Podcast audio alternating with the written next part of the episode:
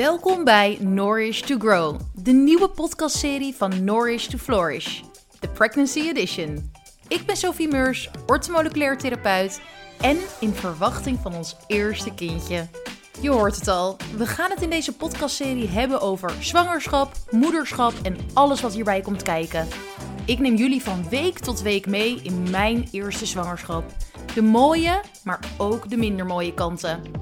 Ook mijn gasten zullen jullie een inkijkje geven in hun kennis, visie en ervaring over zwangerschap en het moeder zijn.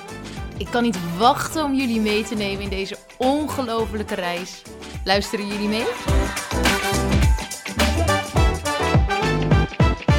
Yes, we zijn alweer in week 6. Oh mijn god, nou, het gaat eigenlijk helemaal nog niet zo snel. Maar ik heb inmiddels alweer de vierde aflevering voor jullie.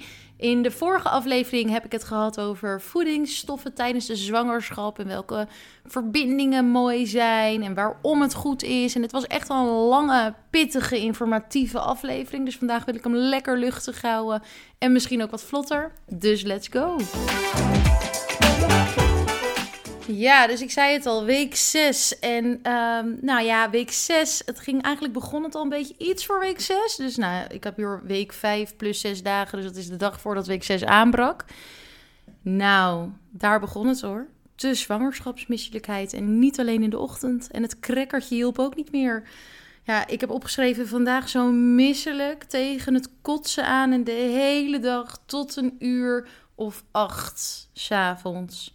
Nou, dit was echt de eerste keer dat ik echt dacht van wauw, dit duurt de hele dag. En het is niet alleen de ochtend. En ergens weet ik ook dat ik me wel een beetje excited voelde of zo. Dat ik dacht, oh weet je, dit hoort er allemaal bij en ik wil het allemaal omarmen. En het is allemaal part of the process. En ik zei ook nog een soort van quasi trots tegen Tom van ja, ik ben misselijk. Wel een beetje zielig, maar ik, ik was ergens dus ook gewoon trots dat, dat mijn lichaam zo werkte. Maar ik was echt, echt, echt heel misselijk.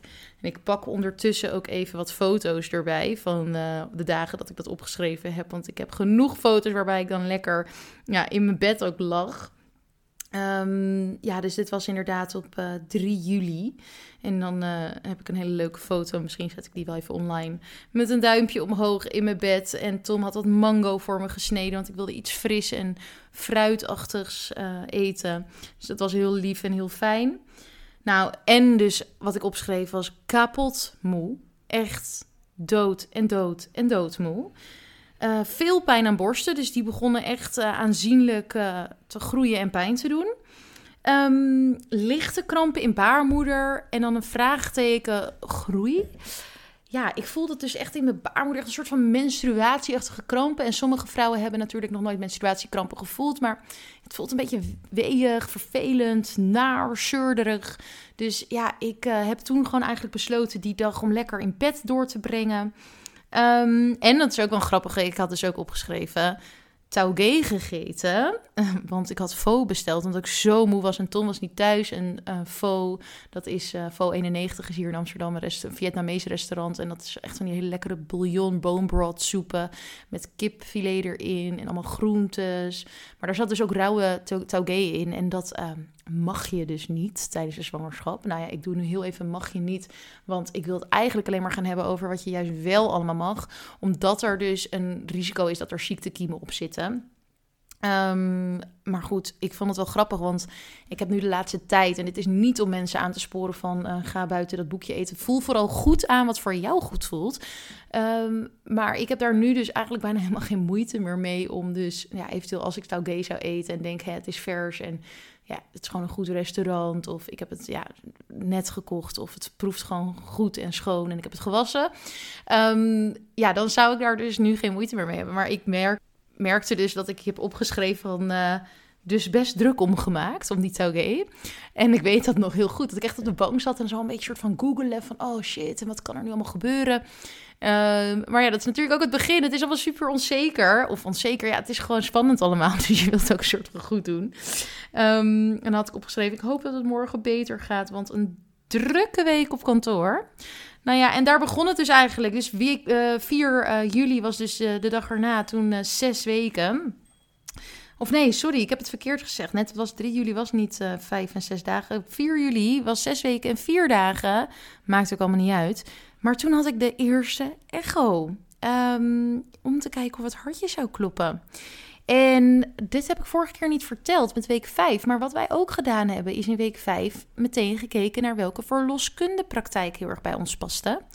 En nou ja, laat ik daar ook nog even kort over uh, uitweiden. Want wij hebben in de eerste zwangerschap een praktijk gehad. En ik zal even geen namen noemen, want dat vind ik gewoon zelf niet prettig in een podcast. Maar daar hebben wij best wel een traumatische ervaring gehad. Ook om hoe er werd omgegaan met die miskraam. En dat, ja, dat vonden wij gewoon echt heel vervelend.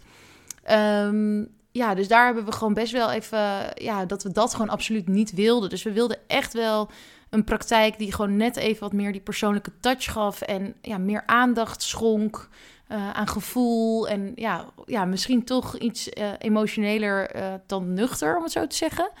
Um, dus wij waren inderdaad bij een praktijk gekomen, waar ik de naam ook niet van ga noemen. Maar um, daar waren we nu dus inderdaad voor de echo en op intake.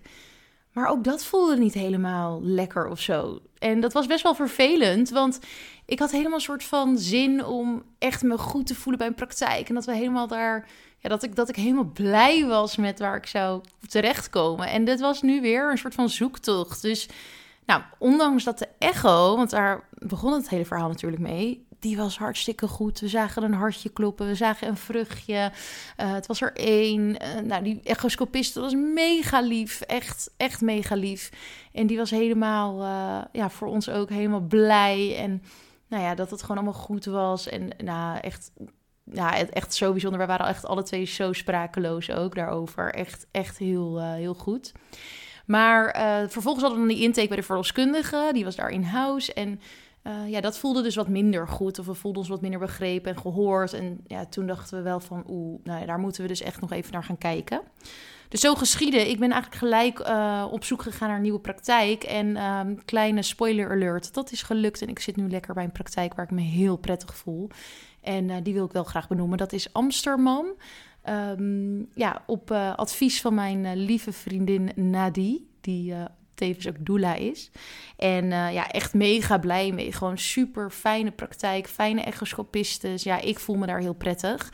Uh, dat is natuurlijk ook mega persoonlijk. Dus um, nou ja, even een shout-out naar Amsterdam. En um, nou, we hadden dus zes weken, vier dagen de eerste echo. Mega misselijk, moe, uh, alles willen eten heb ik hier staan, maar niks kunnen eten. Dat is ook altijd, vind ik, echt een mega ding uh, met die zwangerschapsmisselijkheid. Dat je eigenlijk weet, oké, ik moet eten, want dan ga ik me beter voelen. Maar je bent zo misselijk dat je denkt, gadver, ik wil echt helemaal niks eten. Dus dat was elke keer in mijn hoofd ook zo'n struggle van, oh, wat ga ik dan eten? En dan, omdat ik zo misselijk was, koos ik dan vaak toch wel voor een droog crackertje of ja, van die zoute stokjes. En ja, echt... Uh, gluten uh, galore. Ja, ik eet normaal niet zoveel gluten. En uh, vandaar dus dat ik het vorige keer had over boekwijdcrackers ook. Vanwege mijn darmgezondheid en om dat een beetje goed te houden. Maar ja, ik moest gewoon dat zoutige hebben en crackerachtige... Of van die Maria-kaakjes, van die koekjes. Dat hielp heel goed. Nou ja, en dat heb ik deze periode dan ook echt veel gegeten. En ja, eigenlijk weinig tot geen eiwitten en vetten. Omdat ik weet nog dat ik een ei ging koken die, die week op uh, werk. En ik nam een hap en ik dacht echt dat ik bijna in de prullenbak gewoon... Woep, dat het er allemaal weer uitkwam. Dus nee, dat was gewoon echt niet fijn. En uh, vette zuren ook. Dus avocado ging dan soms wel goed, soms niet. Maar dat was zo heftig. Dus het was vooral echt droge crackers, fruit... Mm, ja, s'avonds kookte Tom dan. Dat was heel fijn. Ik kon, kon ook echt niet in de keuken staan. Want ik heb ook opgeschreven sterke reuk en geur. Dus echt, ja, als ik de vaatwasser open deed... Nou, dat was echt het allerheftigste wat ik kon doen op een dag. Of de koelkast en dan lag er al langer een kaasje of zo. Ja, nee, dat was echt niet prettig.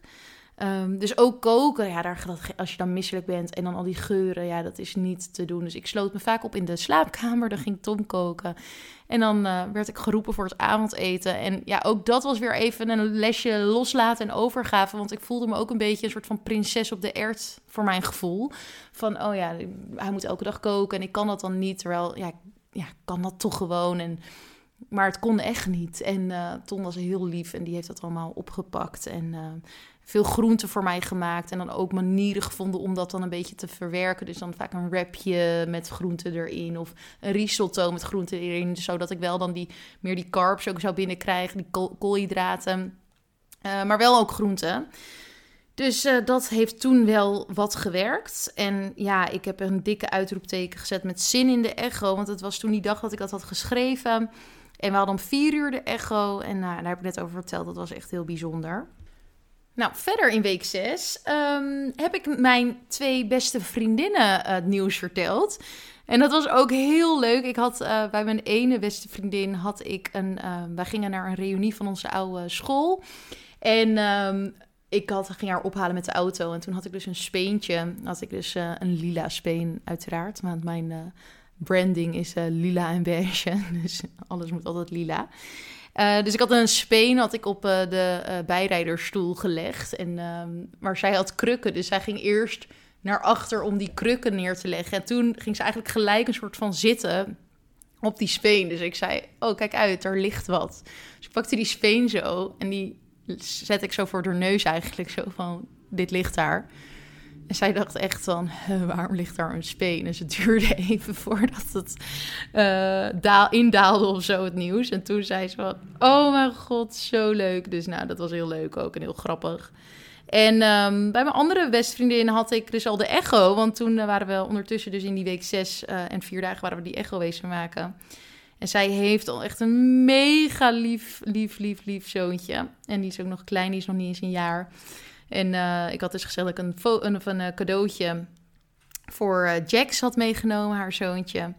En nou ja, toen had ik een doos met dan die echo erin. En zij kon het ook echt niet geloven. Zo, oh, oh, wat leuk. En ja, gewoon heel blij. En ook leuk omdat zij natuurlijk ook nog een kleintje heeft. En dan ja, dat het ook niet zoveel scheelt. En dat we ook samen gewoon dat een beetje kunnen mee, meemaken als vriendinnen. Wij zijn ook al 15 jaar vriendinnen. En die andere vriendin ook al, nou ja, vanaf ons negende of zo. Dus ja, we zijn al zo lang vriendinnen, dus dat zijn allemaal hele bijzondere dingen om te delen.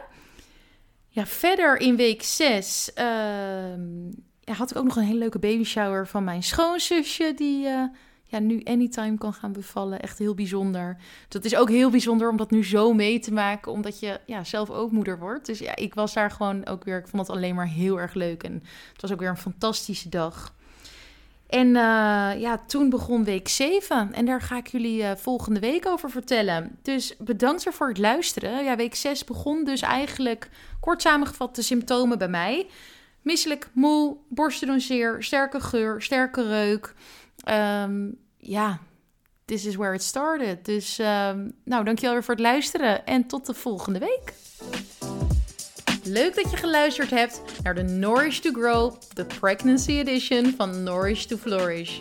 Mocht je nou meer willen horen, abonneer je dan op deze podcast. Mocht je het echt super leuk vinden, dan zou je mij er enorm mee helpen om deze podcast 5 sterren te geven en te beoordelen. Als je contact met mij wil, iets wil vragen of iets wil delen, stuur mij dan gerust een berichtje via Instagram at